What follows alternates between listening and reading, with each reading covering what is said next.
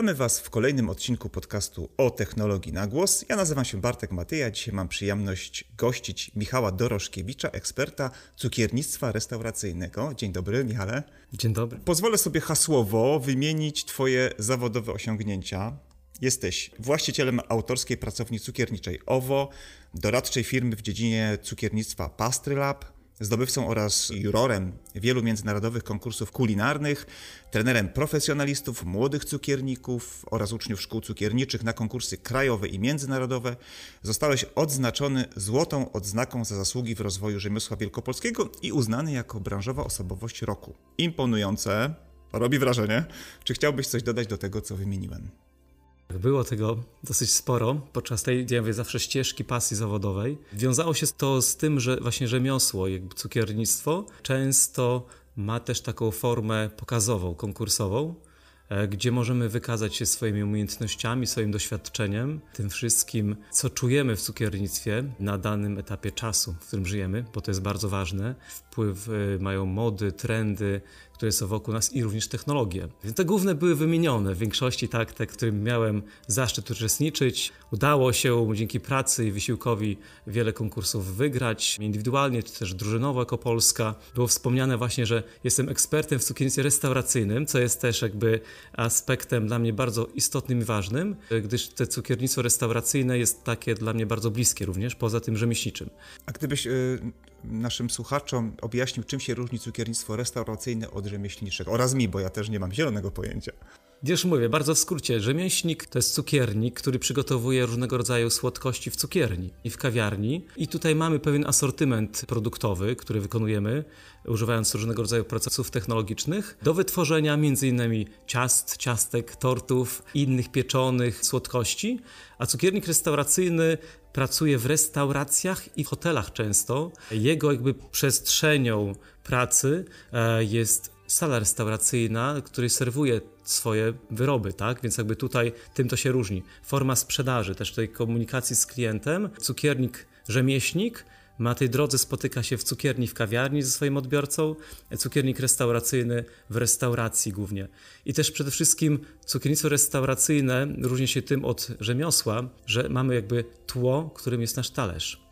I na tym talerzu, jako cukiernik restauracyjny, komponujemy smaki, komponujemy struktury, komponujemy cały deser. Mówimy deser na talerzu wtedy, ale oczywiście również używając różnego rodzaju technik, technologii, które są spójne z cukiernictwem w rzemiośle. Czyli ten cukiernik restauracyjny ma większy kontakt z klientem, tak? Jako sam cukiernik również bezpośrednio ma większy kontakt z klientem, z odbiorcą, gdyż jego praca automatycznie jest na świeżo, można powiedzieć, serwowana w restauracji. Rzemieślnik, cukiernik pracujący w cukierni przygotowuje wszystkie półprodukty, przygotowuje produkty, które następnie pokonują często drogę i trafiają do miejsc sprzedaży, jakimi są sklepy cukiernicze czy kawiarnie. Dziękuję za, za to wytłumaczenie.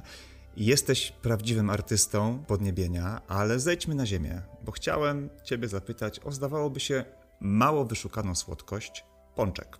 Jaki jest, każdy widzi. Proces produkcji w poszczególnych cukierniach zapewne jest bardzo podobny. O wygranej w plebiscytach na najlepsze pączki w mieście decydują niuanse. Wydaje się, że nie jest też szczególnie interesującym tematem badań, a jednak co roku w tłusty czwartek staje się on obiektem powszechnego pożądania i wdzięcznym tematem rozmów. Jak wytłumaczyć ten fenomen pączka? Pączek w skrócie tradycja ta, która się e, wpisała bardzo mocno w naszą kulturę. Można powiedzieć, że pączek jest takim dla cukierników e, produktem bardziej półcukierniczym, mówimy tak fachowo, czyli takim, który wykonywany był częściej w piekarniach, a dopiero później w cukierniach. Ale jak sięgniemy przez historię pączka, no to ona jest naprawdę bardzo, bardzo daleka. Patrząc fenomen pączka, to jest przede wszystkim tradycja, która w naszym państwie bardzo mocna, ale również w innych państwach z pączkiem jest związana. Pączek czyli bardzo tłusty produkt, można powiedzieć, tak? Niestety tak. Który e, z naszej historii, z naszej kultury wpisany był w tak zwany okres e, Wielkiego Postu, czyli zapusty. Można powiedzieć, że pączki były konsumowane tłuste produkty przed okresem Wielkiego Postu. No był post, więc nie mogliśmy nic tłustego jeść, tak? I taka historia jest niesamowita, gdyż jakby pączki w Polsce to są y, dotowane na jakiś XVI-XVIII wiek. I te pączki nie były tak jak teraz. One nie były na początku nadziewane konfiturami, nadzieniami różnego rodzaju, były po prostu często nadziewane słoniną i nie były też wypiekane, a można powiedzieć wprost smażone e, z dodatkiem drożdży. To ciasto miało całkowicie inną charakterystykę. Czyli smak był zupełnie inny niż dzisiejszego pączka. Oczywiście. Nie poznałem nikogo, kto się podjął e, takich badań, które odtworzyłyby tamtą recepturę. Zapisków mamy bardzo dużo, byśmy mogli sięgnąć na pewno przez różne publikacje e, w archiwach. Może byśmy znaleźli, jak ten pączek naprawdę smakował. E, w moim e, jakby żywocie pączek jest od początku, tak? Więc jakby zawsze tłusty czwartek wiązał się z pączkiem, tłusty czwartek wiązał się z dużymi kolejkami przed cukierniami i oczywiście poszukiwaniem tego najsmaczniejszego. I to jest pytanie, jaki pączek jest najsmaczniejszy. Wspomniałeś właśnie różnego rodzaju publikacje przed okresem właśnie tłustego czwartku, rankingi, które wskazują pracownie, cukiernie, kawiarnie, które przygotowują pączki. Jest tych rankingów coraz więcej, tak? I ja też tak obserwując, co się dzieje w tej kulturze naszej polskiego cukiernictwa, stwierdzam powoli, że pączek stał się produktem nie do końca konsumpcyjnym, a komercyjnym również. Stał się brandem, brandem tego czasu, jakby też produktem, który jest jakby wyznacznikiem e, napędzania biznesu. Nie ukrywajmy, bo o biznesie też trzeba powiedzieć mocno, e, jak to wygląda tutaj z drugiej strony. Jako konsument każdy z nas chce tego pączka zjeść i najlepszego pączka. Ja często e, też prowadząc zajęcia, takie zadaję pytanie, jaki produkt słodki jest najlepszy dla nas, tak? Ja zawsze mówię, trzeba sięgnąć trochę w głąb naszego, naszej pamięci, naszego mózgu. Ja się cofam do dzieciństwa. Tak, moje doświadczenie, też jakby moje analizy, to są takie, że mamy jakby ten smak najlepszy, który gdzieś tam właśnie poczuliśmy w dzieciństwie, e, w różnych innych okolicznościach i zawsze do tego pierwowzoru będziemy się odnosić. Zdradzę tajemnicę, że moim najlepszym produktem takim z dzieciństwa to jest naleśnik. O, no i bardzo dobrze. I też smaczny. We Francji naleśnik jest bardzo e, cenionym deserem, crepes Suzette, tak? Czyli mamy naleśniki, które są frambirowane z pomarańczach, z Cointreau, więc to, to, to jest też bardzo, bardzo cukierniczy produkt restauracyjny, cukierniczy. Okej, okay, dziękuję za informację. Moje naleśniki nie są aż tak wykwintne, natomiast również mi smakują. Dobrze, wróćmy do pączków. A powiedz mi, jaka jest technologia wytworzenia takiego pączka? Czy to jest jakiś skomplikowany proces? Czy coś się zmieniło w ogóle właśnie tak, jak to było e, jeszcze powiedzmy w Polsce przed wojną i dzisiaj, wiadomo, technologia idzie do przodu, maszyny się pewnie zmieniają. Kiedyś być może była to większa manufaktura, dzisiaj jest to bardziej przemysłowy proces. Czy możesz coś o tym powiedzieć? Zmieniło się bardzo, bardzo, bardzo mocno. Cukiernictwo jest zawodem, jest to rzemiosło, ale rzemiosło, które jakby rynkowo jest podzielone na wiele segmentów. Mówimy taki rynek kawiarni, małych pracowni cukierniczych, później mamy już e, większe pracownie i też te przemysłowe. I w zależności teraz, która z placówek, można powiedzieć, wykonuje pączka, przystosowuje do swoich działań technologię. Ale dlaczego przystosowuje? To jest wolumen produkcyjny, czyli jak dużo tego pączka musimy przygotować. Tak jak ostatnio jakieś tam dane sprawdzałem, w Polsce przeciętnie Polak zjada około 2,5 do 3 pączków dziennie w tłusty czwartek, co daje nam liczbę ponad 100 milionów pączków jednego dnia. To jest po prostu no, bardzo, bardzo wysokie, wysokie liczby. To, co się zmienia w cukiernictwie, to jest bardzo osadzone mocno z rozwojem technologii, z rozwojem ogólnie nauki. Patrząc na perspektywę technologiczną wykonywania pączka przed wojną, a dzisiaj, to można powiedzieć, że są dwa różne światy. Chociaż tradycja całość jest zachowana. Mówimy cały czas o II wojnie światowej. O II wojnie światowej, oczywiście. I są takie pracownie w Polsce. Ja znam taką pracownię w Warszawie, która recepturę i technologię utrzymuje cały czas przed wojny. Cały czas w tym samym stylu starają się z pokolenia na pokolenie wykonywać pączka. Ale y, jeśli chodzi o recepturę, bo maszyny są już nowoczesne? Y, często tak, no nie ukrywajmy, te maszyny, które gdzieś tam były technologicznie przygotowane w tamtych czasach, różnią się zdecydowanie, ale chodzi o recepturę. I teraz tak, czym jest pączek? Pączek jest to po prostu produkt na bazie mąki, drożdży i tutaj się zaczyna jakość, czy jakość receptury, jakość produktu, e, czy pączek ma więcej jaj czy więcej żółtek, czy mam jakiś inny tłuszcz dodany, na przykład masło do środka, czy jest bez tego tłuszczu, czy jakby skład receptury, który później decyduje o jakości tego pączka. I kaloryczności. I kaloryczności. Kaloryczność również. Czyli mamy receptury, mamy jakby tą, którą często poszukujemy, tak? Mówimy, że to jest receptura naszej babci, a cukiernie poszukują właśnie receptur przedwojennych, II wojny światowej, tak? Czy powojennych. Więc jakby to teraz tutaj wybieramy. I przystosowujemy do tego technologię produkcyjną, można powiedzieć, tak? Fachowo. Pączki oczywiście są produktami cukierniczymi, które są smażone. Klasycznie pączek jest smażony, smażony w tłuszczu. Jakim tłuszczu? Kiedyś smażono na smalcu, na łoju wołowym i teraz coraz więcej też cukierni wraca do tego właśnie produktu smażenia. Tylko musimy też wiedzieć o też charakterystyce chemicznej danego y, tłuszczu, na którym smażymy. Musimy wiedzieć o jego punkcie dymienia tak zwanego i temperaturze, w której ten tłuszcz dobrze się zachowuje, aby ten pączek prawidłowo się wysmażył. To są parametry. I co nam daje technologia dzisiaj? Technologia dzisiaj nam daje niesamowite możliwości, ponieważ możemy te wszystkie parametry, współczynniki rozpoznawać i utrzymywać prawidłowo.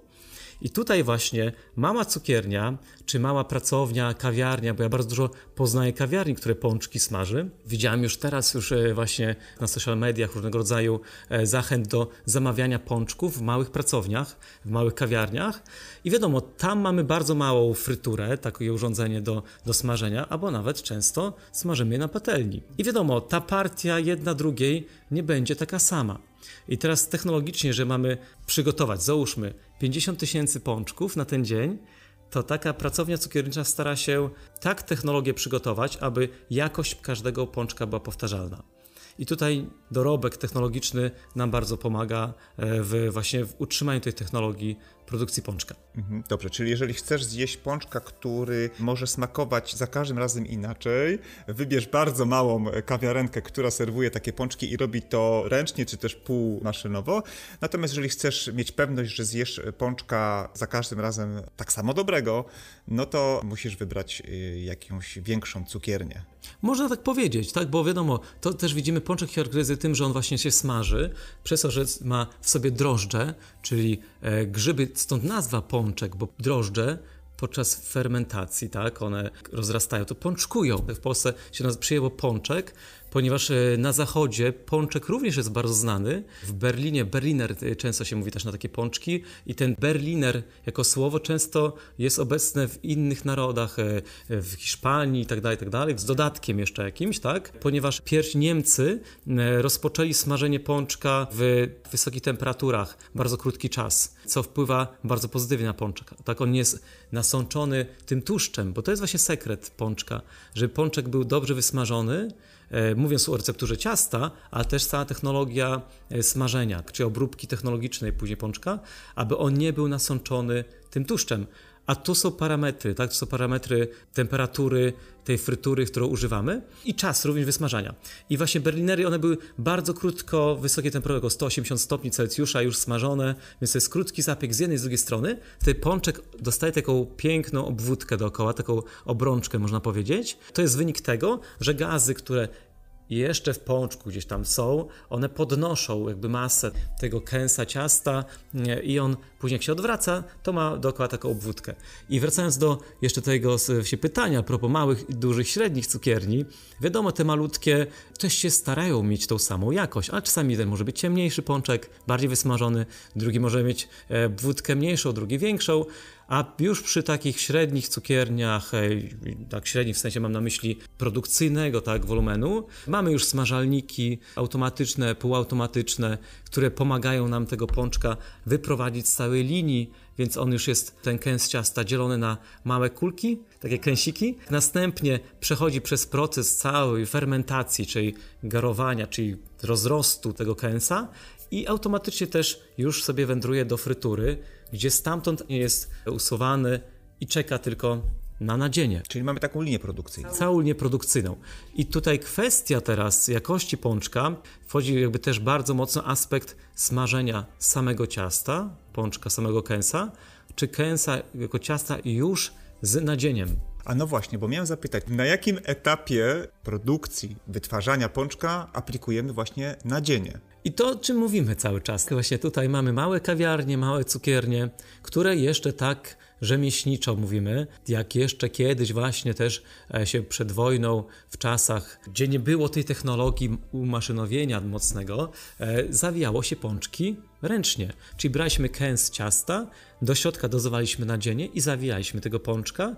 Ten pączek następnie rozrastał, tak? I był smażony. Teraz z racji na to, że często szukamy dobrej charakterystyki struktury ciasta, pączki w dużym procencie są smażone bez nadzienia i nadziewane są po smażeniu. Który jest lepszy? To jest e, jakby już kwestia też e, tego, czego poszukujemy w pączku. Czy robimy pączek, które to ciasto ma bardziej zbite, ale takie bardzo bogate w smaku i z nadzieniem, które rozchodzi się aromatycznie w całym cieście? Czy wolimy pączka, który jest delikatniejszy i odczuwamy strukturę tego ciasta i nadzienie jest centralne, gdzieś tam tak, które też odczuwamy. Ja osobiście bardziej preferuję pączki, które są wysmażone razem z nadzieniem. Takie pączki pamiętam z dzieciństwa, takie pączków poszukuję często w Poznaniu czy w innych miastach w Polsce. No to jeśli już mówimy o smaku i zahaczyliśmy o Poznań, którego obydwoje jesteśmy tutaj mieszkańcami, w Poznaniu najbardziej znane pączkarnie mieszczą się na ulicach Dąbrowskiego i na tak zwanym Deptaku na ulicy Półwiejskiej. Tak mi się wydaje. Można tam oprócz tradycyjnych wersji nadziewanych nadzieniem różanym, ajer koniakiem, czy też marmoladą, jak to się mówi, znaleźć e, w różnych konfiguracji pączki z nutellą, białą czekoladą, chałupą, snickers, raffaello, serem mango, słonym karmelem, kokosem, bananem, granatem, z żurawiną, marcepanem, agrestem, gruszką i tak dalej, i tak dalej. E, jakiego pączka zjadłby Michał Dorożkiewicz? Na pewno takiego tradycyjnego, czyli z powidłami śliwkowymi które ja najbardziej uwielbiam, takie pączki, taki właśnie, który jest smażony z nadzieniem, które ciasto nie jest aż tak mocno wyrośnięte, ten pączek nie jest taki nabity, na, e, taki napompowany, jak mówimy często, i przede wszystkim, który ma bardzo delikatny lukier. Czyli to są takie pączki, które ja pamiętam właśnie z dzieciństwa, które są jeszcze w kilku cukierniach, piekarniach, pączkarniach w Polsce. A propos właśnie tutaj jeszcze tego nadzienia i tej masowości, można powiedzieć też wyborów teraz, tak? To co mówiłem na początku, że pączek stał się takim produktem bardzo komercyjnym. Stał się taką ikoną tego dnia, którą wykorzystujemy do promocji bardzo mocno i poszukujemy, poszukujemy różnego rodzaju rozwiązań, aby każdy mógł się odnaleźć w smaku. To jest moim zdaniem też ciekawy zabieg. Przez to możemy pokazywać możliwości smakowe, kompozycje smakowe, ale w takim dniu jak tłusty czwartek, ja pozostaję zawsze tradycjonalistą. E, I właśnie wybieram tego pączka albo z powidłami siwkowymi, albo tak zwaną marmoladą, czyli jakimś przecierem wielowocowym, który nadaje ten charakter tego, tego smaku. Ja nie ukrywam, że uwielbiam przeciwieństwa smakowe, czyli e, jeżeli jem coś e, bardzo słodkiego, na przykład pączka, to lubię bardzo kwaśne nadzienie w środku, jakaś porzeczka, coś w, ty, w ten deseń i wtedy jakby te smaki się u mnie gdzieś tam e, chyba sumują i nie mam poczucia, że coś jest przesłodzone, ale jak już jesteśmy przy tych tradycyjnych pączkach, to taki pączek właśnie może zawierać od 250 do 400 kilokalorii, ale no właśnie, zmieniają się trendy. Ludzie chcą być fit, jedzą ciasto z marchewki, szpinaku. A co można zrobić z pączkiem? Czy on powinien być tłusty? Czy da się zrobić jakąś wersję light? I czy nadal byłby to pączek? Ja powiem tak, tak jak właśnie mówiliśmy na początku, technologie, które też nas wspomagają, które się zmieniają, ułatwiają jakby procesy technologiczne w produkcji pączków. Tak samo jak widzimy, bardzo mocno zmieniają się filozofie życia i filozofie związane z dietą, którą wybieramy. Dzisiaj weganizm, widząc e, co się dzieje, jest to trend w żywieniu e, na skalę badań chyba najbardziej e, rozpowszechniony, tak, teraz. No nie było takiego etapu, żeby tak mocno ten styl życia wybierał tyle, taka rzesza konsumentów. I na pewno tutaj wszyscy szukają takiego pączka, który będzie tylko pochodzący z roślinnych surowców. A druga sprawa to jest ten fit, tak? Czyli mówimy o pączku, który jest najmniej kaloryczny, a ta kaloryczność, jak mówiliśmy wcześniej, z czego ona się bierze? Ona się bierze z procesów technologicznych e, smażenia. Jeżeli prawidłowo jesteśmy w stanie panować nad technologią, nad tymi temperaturami, frytury, tłuszczu, w którym smażymy pączka, to pączek praktycznie nie wsiąka w siebie tego tłuszczu. I tutaj czy konfitura będzie nadzienie bardziej słodkie, czy mniej właśnie? Konfitura mogłaby być też nadzieniem fit. Oczywiście, oczywiście, że tak. Tutaj byśmy mogli w ten sposób kombinować. Też połączenia smakowe oczywiście możemy jak najbardziej zmieniać tak i też szukać właśnie rozwiązań, które będą bardziej fit. Są możliwości oczywiście, to są możliwości takie, które już wykonuje wiele, wiele cukierni. Pączki są pieczone. To samo ciasto jest wypiekane w piecach.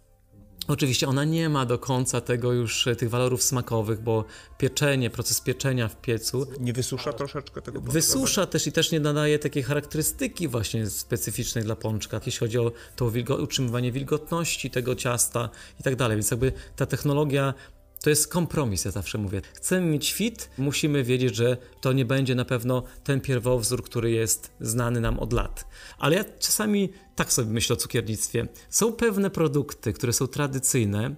Możemy je, oczywiście z tym e, czasem, który się zmienia cywilizacyjnie, też zmieniamy podejście do żywienia, udoskonalać, zmieniać, poprawiać. Ale to jest taka tradycja, tradycja, która jest jeden dzień. Tak to można porównać trochę do rogala świętomarcińskiego. I myślę, że wszyscy, którzy poznali jeszcze ten prawdziwy smak, prawdziwy, mówiąc tradycyjny, będą zawsze tego tradycyjnego poszukiwać. I zgrzeszymy nawet tymi dwoma prączkami w ciągu dnia, cały tydzień e, żyjąc bardzo zdrowo.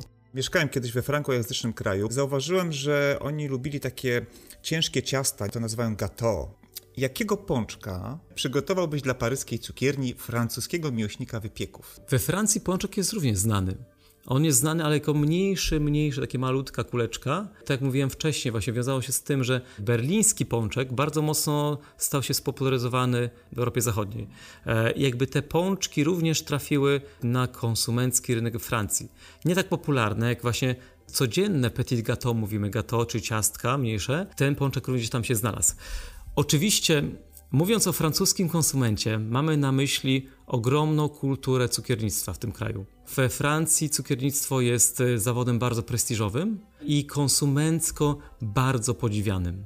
Cały czas my, jako też profesjonaliści, e, chylimy czoła francuskim cukiernikom i nie ukrywam, że się często inspirujemy ich e, dorobkiem cukiernictwa, jak również jeździmy i się szkolimy często we Francji.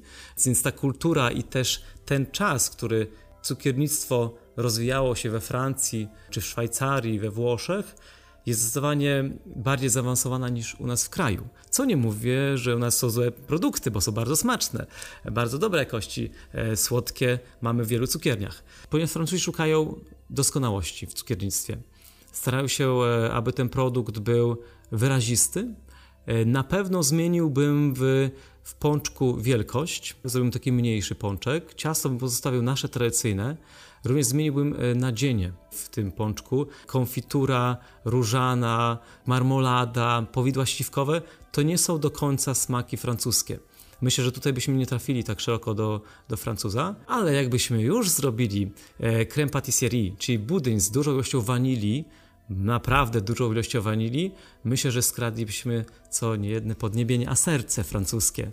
Krem patisserie, czyli krem budyniowy z dużą ilością wanilii, to jest podstawa francuskiego cukiernictwa i myślę tutaj taki pączek właśnie z takim kremem budyniowym z wanilią na pewno ująłby Francuzów, a jakbyśmy jeszcze mieli pójść na salony fra e, francuskie i zaserwować takiego pączka dla osobliwości wielkich, moglibyśmy położyć na niego płatek złota jadalnego, który by jeszcze nadał ekskluzywności. Mhm. To drżycie paryskie cukiernie, bo Michał Doroszkiewicz chyba wymyślił kolejny sposób na podbicie podniebień francuskich. A jak już jesteśmy przy takiej wyszukanej cukiernictwie, no to odwiedziłem stronę Twojej pracowni owo-pracownia.pl, gdzie można zamówić dzieła sztuki, jakie serwujesz dla podniebienia. Proszę Państwa, Michał przyniósł cztery tak zwane monodesery, jak mi powiedział. One tutaj się na mnie patrzą, uśmiechają się do mnie. Wyglądają fenomenalnie, zarówno pod względem kształtu, jak i koloru. Można, będąc w Poznaniu, przyjść na ulicę Dominikańską 7 i uraczyć się na miejscu tymi wspaniałościami. Jakie słodkości polecasz swoim klientom? Owo jest jakby takim y, moim spełnieniem marzenia cukierniczego. Ja zawsze marzyłem o własnej pracowni, o takim miejscu, gdzie będę mógł przedstawiać dorobek tego, co już doświadczyłem w cukiernictwie i cały czas tego, czego się uczę. I owo jest takim miejscem, gdzie staram się właśnie tą moją filozofię cukiernictwa przedstawiać. Wybrałem y, cukiernictwo z taką duszą i taką, e, można powiedzieć, odsłoną trochę stylu francuskiego. E, I często właśnie w Poznaniu, już tutaj odwiedzający goście moją pracownię, często mówią, czują się jakby byli w Paryżu, co jest dla mnie bardzo miłe, ponieważ ja też powtarzam, że francuskie cukiernictwo bardzo wpłynęło na mój rozwój i ukształtowało mnie mocno pod względem kompozycji smaku, estetyki, wizerunku, w ogóle całości, jeśli chodzi o produkt. E, więc w OWO przedstawiam właśnie taką biżuterię cukiernictwa, można powiedzieć. Wybrałem styl, który się nazywa haute pâtisserie, czyli jakby takie wykwintne cukiernictwo, gdzie każdy produkt jest indywidualnie przygotowywany, jest indywidualnie dekorowany, jest bardzo przemyślany pod względem struktur, smaku, kolorystyki i całej kompozycji, którą staram się tu zawsze dla Państwa przedstawiać. Wybór jest dosyć spory, więc myślę, że każdy się odnajdzie. Wprowadziłem od samego początku taką podróż w cukiernictwie, cztery czekolady świata. To były moje pierwsze desery w takim trudnym czasie, bo to był czas pandemii jeszcze wtedy, wtedy było otwarcie OWO w 2021 roku. Zacząłem od tego, że sam przygotowywałem desery, można było na wynos tak, zakupić produkty, więc postawiłem potykacz na ulicy Dominikańskiej, gdzie było bardzo cicho wtedy na rynku i miałem tak zwany pop-up na początku, czyli trzy dni otwarcia w określonych godzinach, duża promocja w social mediach, żeby pokazać, że jestem i przygotowałem sam osobiście cztery właśnie rodzaje deserów, które automatycznie sam serwowałem, sprzedawałem na wynos niestety wtedy tylko jeszcze. I była to podróż przez cztery czekolady świata. Czekoladę mleczną, czekoladę białą, czekoladę deserową i rubinową, czwartą czekoladę świata. I na bazie tych czekolad stworzyłem cztery desery, które były początkiem jakby powstania całej kolekcji, która jest zmieniana w sezonowości, e, w zależności od pory roku, którą mamy, jeśli chodzi o smaką, kompozycję smaku. Więc myślę, że każdy się odnajdzie, ponieważ poza tymi e, słodkościami, które są na bazie właśnie, jak mówiłem, musów czekoladowych, konfitur owocowych, też wprowadziłem pieczone cukiernictwo, jak croissant, czy innego rodzaju produkty z ciast właśnie tak jak pączki, czy drożdżowych, czy półfrancuskich. To również jest w mojej pracowni obecne.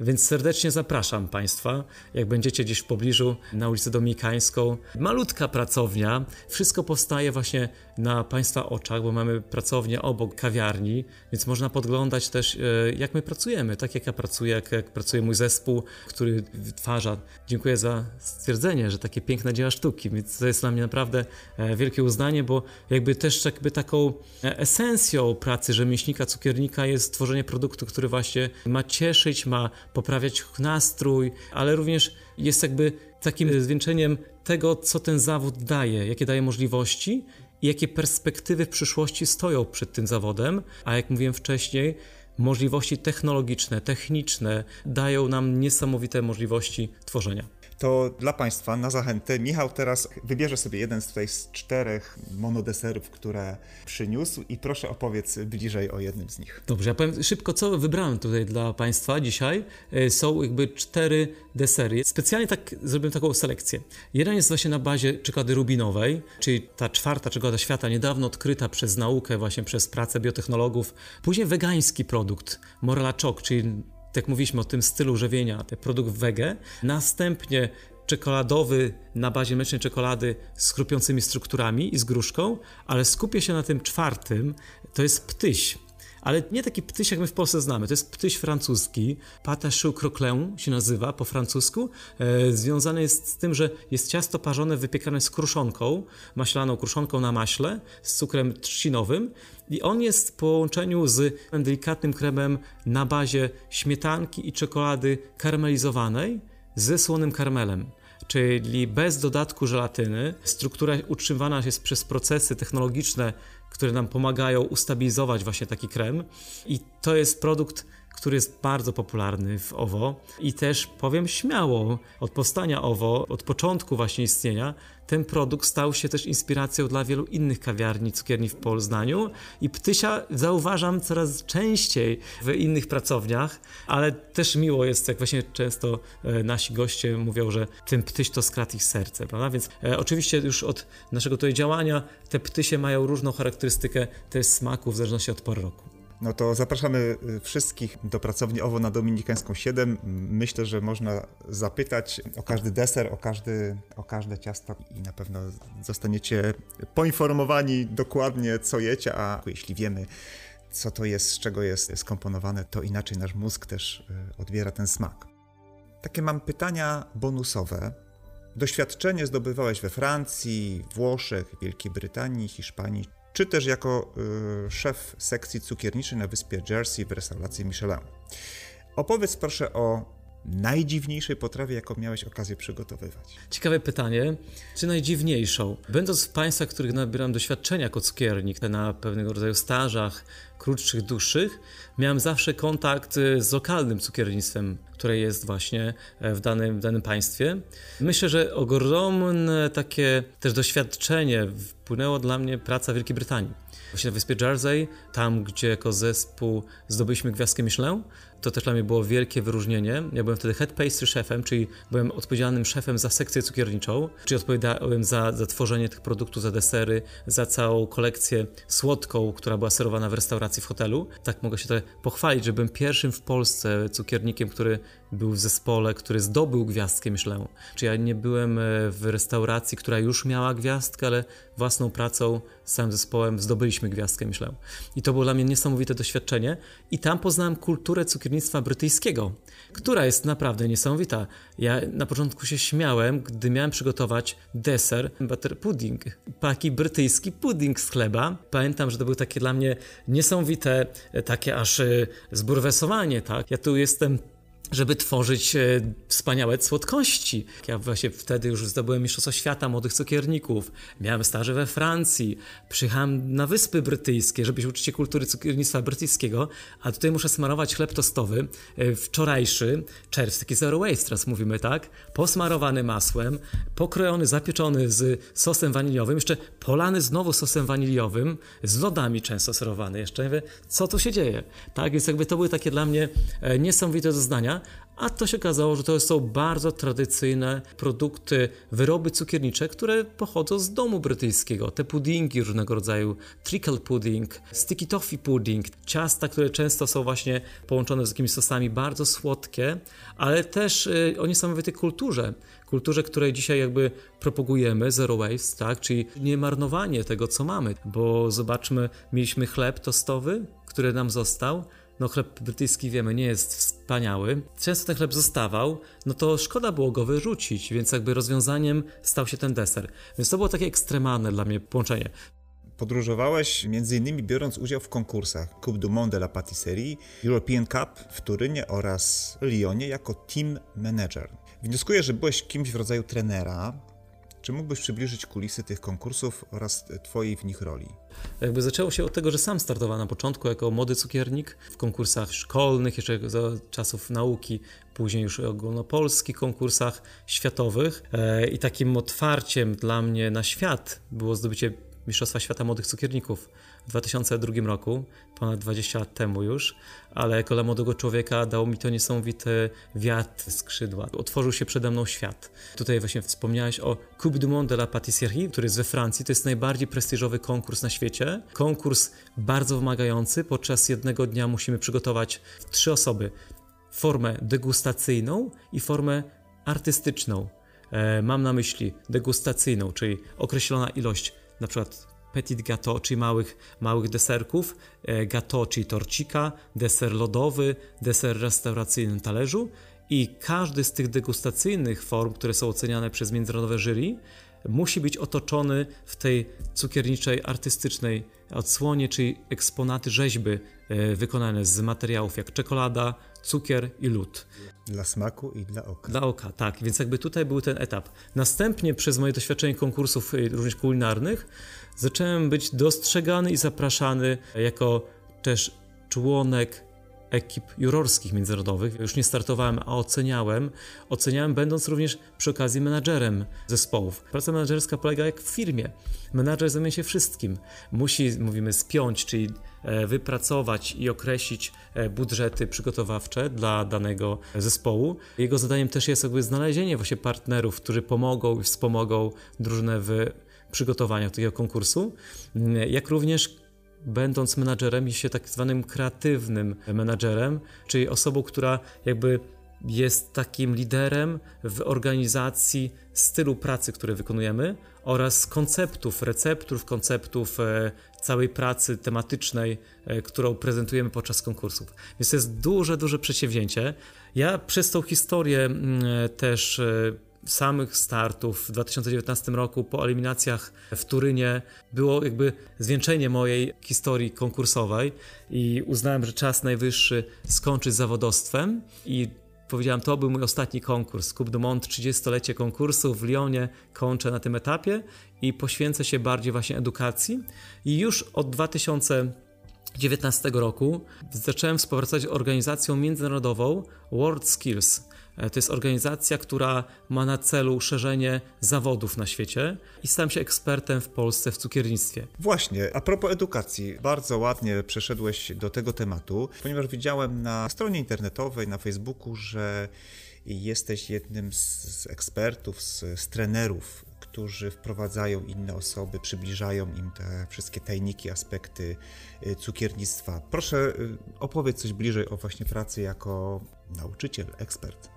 Przez to, że ja nie jestem cukiernikiem takim, którym często się określa, że receptury zabiera do kieszeni i wychodzi z cukierni, tylko się staram dzielić tym wszystkim, zacząłem właśnie dzielić się moim doświadczeniem, dzielić się moim spostrzeżeniem na temat cukiernictwa, rozpoczynając różnego rodzaju szkolenia w Polsce, szkolenia dla profesjonalistów, ale również często prowadzę dla pasjonatów, tak? dla osób, które chcą po prostu poszerzyć swoje horyzonty na temat cukiernictwa. Nauka dla mnie zawsze się wiąże z młodym człowiekiem. Pięknie połączyły się moje losy, poznając właśnie ekspertów e, z gastronomii w Polsce, z organizacji World Skills. To jest e, organizacja międzynarodowa, która jest przy Fundacji Systemu Edukacji Narodowej. To jest prowadzone e, równolegle z wymianami uczniowskimi, studenckimi Erasmus. I ta organizacja, ta fundacja prowadzi i koordynuje całe procesy World Skillsa.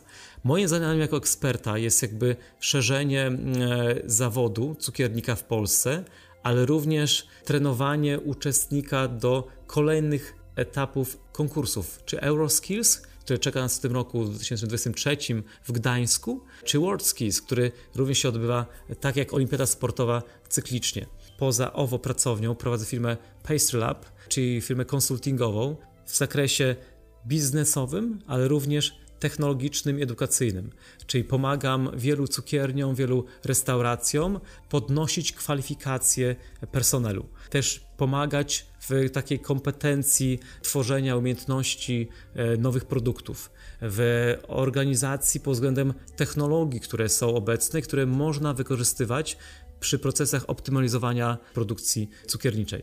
Więc tą edukację można powiedzieć, że na dwóch płaszczyznach prowadzę tą zaawansowaną dla profesjonalistów i tą na takim backgroundzie, czyli dla edukacji uczniów. W tych dwóch przestrzeniach się bardzo dobrze czuję. Piękna historia. Jesteś jeszcze młodym człowiekiem, a już masz y, za sobą tyle osiągnięć. Już na tym etapie życia masz tą możliwość y, przygotowywania innych do tego, do tego pięknego, y, nie ukrywajmy, i bardzo smacznego zawodu. Bardzo Tobie dziękuję za rozmowę, za zdradzenie kilku sekretów, słodkich sekretów, za, za opowiedzenie nam ciekawych historii o pączku, o sobie. Państwa zapraszamy przede wszystkim do Poznania. Jeśli będziecie, to odwiedźcie ulicę Dominikańską 7, pracownię OWO. Zainteresowanych edukacją zapraszamy również do kontaktu Space Lab, gdzie możecie się zapoznać z tym, co Michał może Wam przekazać jako ekspert. Zachęcam Państwa również do odwiedzenia strony naszej instytutowej www.lukasiewicz.gov.pl. Jedno z naszych centrów jest to Centrum Technologii Rolniczej i Spożywczej, gdzie również przygotowujemy procesy, które są związane z żywieniem, z technologiami spożywczymi. Zapraszam Państwa serdecznie do odwiedzenia tej strony. Jeszcze raz bardzo Tobie, Michale, dziękuję. Dziękuję również za zaproszenie. Dziękuję za wysłuchanie. Mam nadzieję, że Państwo, którzy zostaliście do końca, wysłuchaliście tej, tej opowieści, no zachęci Państwa tak, do, do oceniania i próbowania cukiernictwa w Polsce, bo uważam, że nasze rzemiosło cukiernicze w Polsce naprawdę jest na równi e, z zachodnim. Jestem przekonany, że wszyscy z zainteresowaniem wysłuchali tego podcastu. Do widzenia.